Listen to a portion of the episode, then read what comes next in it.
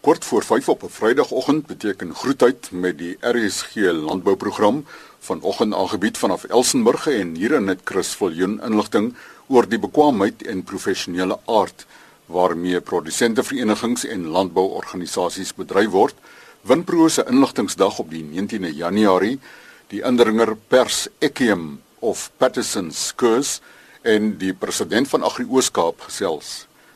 Professor Dani Brink, waarnemende dekaan van die fakulteit Agriwetenskappe aan die Universiteit van Stellenbosch, het die bemarkingskongres van die subtropiese produsentevereniging bygewoon. Ek was onlangs uh, by die bemarkingskongres van die subtropiese produsentevereniging. Maar uit die aard van my kantoor het ek ook gereelde kontak met verskeie produsente verenigings en landbouorganisasies. As ek nou net vinnig 'n paar name noem soos Graan SA, die die winter uh, graan trust en die protein trust en hort grow science die tafeldrywe assosiasie en so kan 'n mens aangaan. Natuurlik in die Weskaap wil mense dit nie vir Winetech uitlaat nie. Wat my opgeval het nie is die ongelooflike bekwaamheid en professionele aard waarmee hierdie organisasies bedryf word. Mense moet ook verstaan as jy elders anders in die wêreld reis dan is dit nie iets wat 'n mens net as ehm uh, gegeewe kan aanvaar nie. Hierdie verenigings is met groot vernuf en geduld en investering van tyd en geld ontwikkel tot hierdie organisasies wat hulle vandag is. Ons moet ook besef hoe belangrik dit vir die universiteitswese veral vir landbounavorsing en opleiding is. Ons kry 'n groot aantal beurse vir voor- en nagraadse studente wat vloei vanuit hierdie produsente en landbouorganisasies. Terselfdertyd ehm um, help hierdie organisasies ons om ons navorsingsprogramme en aktiwiteite strategies te fokus en te rig op die behoeftes en vooruitsigte van van die landbousektor. En dit is natuurlik 'n geweldige belangrike uh het vraagstuk uh, veral medium en langtermyn dat die universiteit wat betref infrastruktuur, menslike hulpbronne en breër kapasiteit uh, in staat is om op hierdie onverwagte soms en soms korttermyn veranderlikes in die onderskeie bedrywe weet te kan reageer. En dit bring ook 'n groot verantwoordelikheid mee. Ons het juis verlede Vrydag saam met Satie gesit en gesels oor wat miskien op die universiteitsvlak net lyk na 'n navorsingsprojek waarin daar nuwe ontdekkings en kennis versamel word wat groot invloed kan hê ook op die fitosanitêre en uitvoerregulasies waaraan hierdie bedrywe blootgestel is. Ek dink die algemene produsent en boer eh, sowel as die landbounavorser tot by die studente wat aan ons fakulteite studeer, eh, moet regtig die waarde besef van hierdie verenigings. Ons moet ook er erkenning gee aan die ondersteuning wat ons binne die universiteite en ek sluit graag my kollegas by ander Suid-Afrikaanse universiteite hierby in die ondersteuning wat ons van hierdie verenigings kry op strategiese gebied, ook op bestuursvlak en dan ook wat direkte finansiering van beurse en landbounavorsing betref. Die waarnemende dekaan van die fakulteit Agriwetenskappe aan die Universiteit van Stellenbosch, professor Dani Brink. Rico Basson is die uitvoerende direkteur van Winbro en hy gesels vanmôre oor die komende inligtingsdag in 2017. Dit is inderdaad die 13de keer wat Windpro dit aanbied en ons is ook baie dankbaar dat Netbank volgende jaar die 11de keer ook dan ons hoofborg is. Dit is 'n dag wat plaasvind in in Kaapstad in die Kaapse Konferensiesentrum. So wat 8 na 900 mense wat ons verwag. Volgende jaar se tema is ontsluit waarde. Dit pas baie goed aan by by 'n klomp strategiese projekte wat ons tans na kyk wat nou strek van wyntoerisme tot die binnelandse mark en dit gaan werklik oor hoe kan ons besigheidsmodelle verander en hoe kan ons leer by mekaar om uh, dit meer volhoubaar te maak vir 'n wynprodusent. So die program het van die gewone temas in soos eh, 'n uh, ekonomiese oorsig deur Nikki Weimar, die ekonom van Netbank. Dan het ons ook vir professor Nick Vink, die bekende landbouekonoom gevra om te kom praat oor die Suid-Afrikaanse ekonomiese wynsiklus en is dit uniek of is dit maar baie soortgelyk aan iets soos Australië of Chili byvoorbeeld? Dan François Viljoen gaan vir ons kom praat oor uh, wat gaan aan die wingerde aan. Ons het 'n interessante seisoen gehad, maar gaan daar genoeg water wees om die oes groot te maak? So François is 'n ou bekende op die program. Dan het ons die gesprek so bietjie gewysig vir jaar volgende jaar gaan ons 'n paneelbespreking hê op versoek van uh, van vorige kongresse die bekende Michael Friedjon die uh, wynskrywer lei die lei die paneel en op die paneel is dan 'n klomp uh, bekende persoonlikhede soos Richard Rushden, hy is die CEO van Destel. Ons het vir Johan Kriege van Kanonkop daar, Gavin Ditmar, hy is die CEO van Meridian Wyne, Neville Karoo en Denise Staps wat dan um, op 'n vraag-antwoord basis gaan praat oor die tema. En dan sluit ons die dag af met 'n spreker wat gaan kom praat oor hoe praat ons dan met meer as Suid-Afrikaners as ons iets wil verkoop? En dit gaan maar oor kultuur, dit gaan oor die verskille in persepsies. Die program duur van uh, die oggend 9uur tot die middag 12:30. Persone wat wil inskryf kan uh, bloot op die op die Winpro webblad gaan www.winpro.co.za. Die uitvoerende direkteur van Winpro, Rico Bason, die webblad is www winproe.co.za die datum van die inligtingsdag 19 Januarie 2017.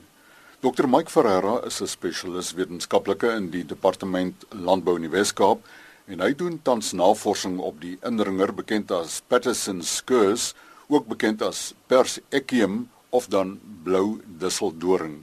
Daar's jaarliks in September en Oktober baie mense wat oor Pers equium of blou disseldoring kla dat uh, hierdie onkruid oorneem of dat dit skielik uit die bloute se verskyning gemaak het. Uh dis moontlik daaraan te wyte dat die onkruid in die saailing en reset stadium 'n baie plat groeiwyse het wat dit redelik onopsigtelik maak tussen ander onkruide. Maar dis natuurlik ook die stadium wanneer beheer toegepas moet word, maar dis eers tydens stingelverlenging en blomvorming dat dit as 'n probleemplant beskou word. Nou, ons kyk na die eienskappe van die onkruid, dit is van mediterrane oorsprong en daar word vermoed dat dit die land saam met voer binne gekom het in die tydperk toe perde nog die algemene vervoermiddel was. Dis 'n eenjarige winteronkruid met skurweharige blare. Die plant het 'n diep penwortelstelsel met stengels wat ewenigs oordek is met skurwehare.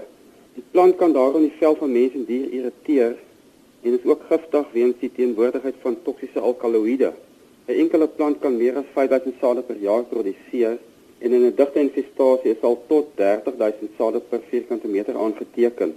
Nou die saad word versprei deur die beweging van diere, voer en gruis tydens padkonstruksie.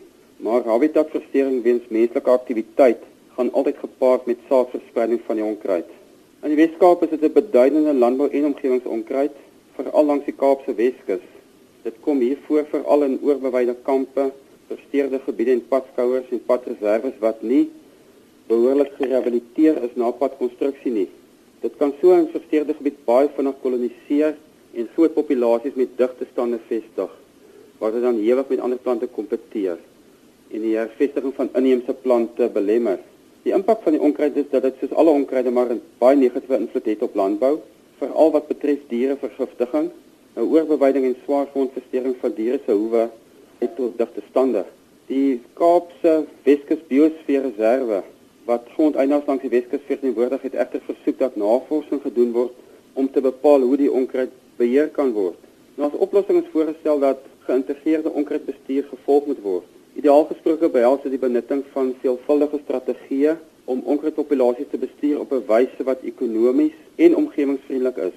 Nou die strategieë sluit in biologiese, meganiese verbouings en chemiese metodes.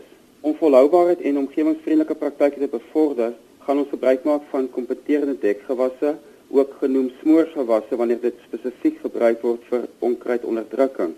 Dit sal benut word in gewasmengsels en bykomend sal ook dekklaar gebruik word. Dit sal van biomassa wees in die vorm van opgekerfde uitheemse akasie indringerbome. Vir die biologiese komponent gaan insekte uit Australië ingevoer word om die deur die kwarantaineproses te gaan en dit sal hanteer word deur my medewerker Dr. Lyons van die LNR Instituut vir Plantbeskerming.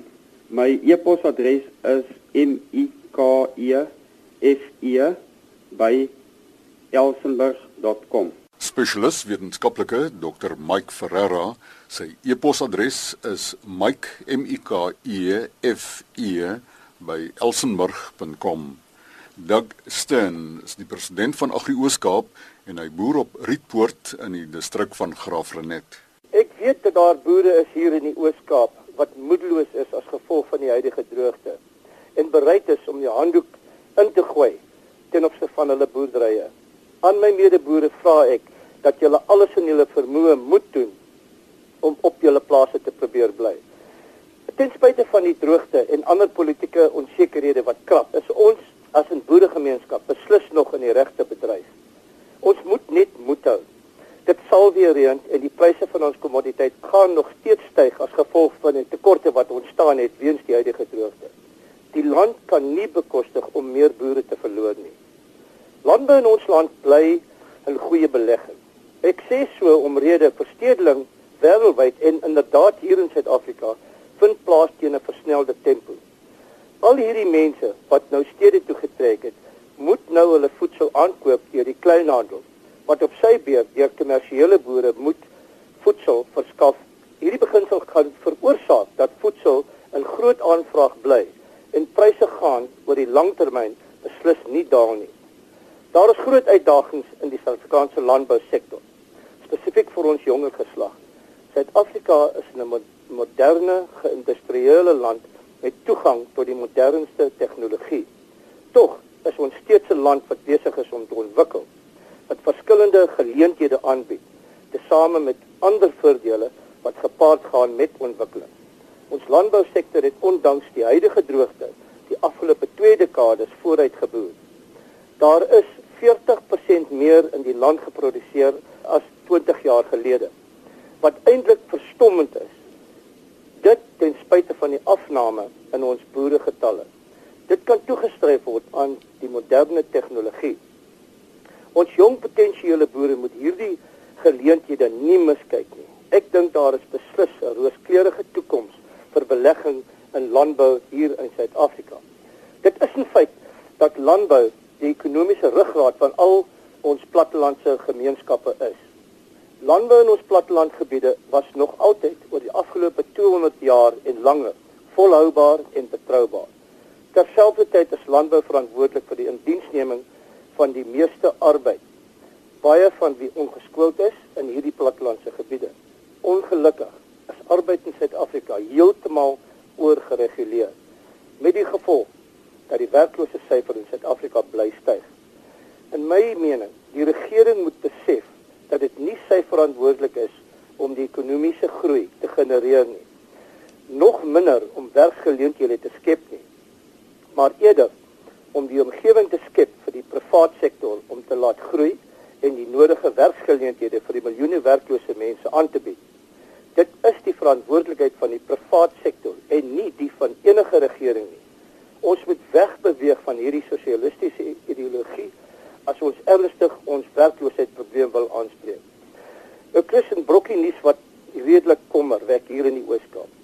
Daar is ook ongelukkig 'n groot dreiging op landbou hier in ons provinsie deur verskillende mynbouaktiwiteite soos die van skaliegas in Iran ontginning. Die potensiële skade aan mense, diere en die natuur wat hierdie aktiwiteite sal verrig, kan nie toegelaat word nie en sal baie aggressief teengestaan word deur gemeenskappe hier in die Oos-Kaap. Terwyl ek nou die geleentheid het, wil ek graag vir my medeboere en hulle gesinne 'n geseënde Kersfees toewens en saam hoop vir 'n nuwe jaar wat baie reën sal bring. Doug Stern is president van Agri Ooskaap, hy boer op Rietpoort in die distrik van Graafrenet. Die uiters bedreigde oeverkonyn kry aandag van die Trust vir Bedreigde Natuurlewe, RSG Landbou, môreoggend om kwart voor 12. Dit is my hond Jessie die skaaphond wat ehm um, voorheen al gebruik is om brilpaddas onder die grond uit te soek as deel van my meestersprojek. En ehm um, die hond het die vermoë om enige reuk te pas en ook om uh, verdunnings op te tel wat 1 tot 100 duisendste van 'n reuk is. En daarom het ons gedink dit sou geskik wees om haar te toets as 'n as 'n alternatiewe metode. Ek ken haar nou nog nie so lekker nie, maar ek het al al weet haar groot gemaak en haar geleer, maar as jy kan sien aan haar lyfstaal as sy begin nader kom, begin haar lyfstaal verander, dan kan jy haar lyband nou haar band 'n bietjie korter maak. Ja, en ons het uh, alreeds ook gekyk net met voorlopige toetse of sy kan onderskei tussen haas en konyn en sy het geen probleem gehad om um, haas reuk te vermy en op oewer konyn te wys nie. Dis groet uit. Beste wense van Chris Viljoen namens die departement van landbou in die Weskaap.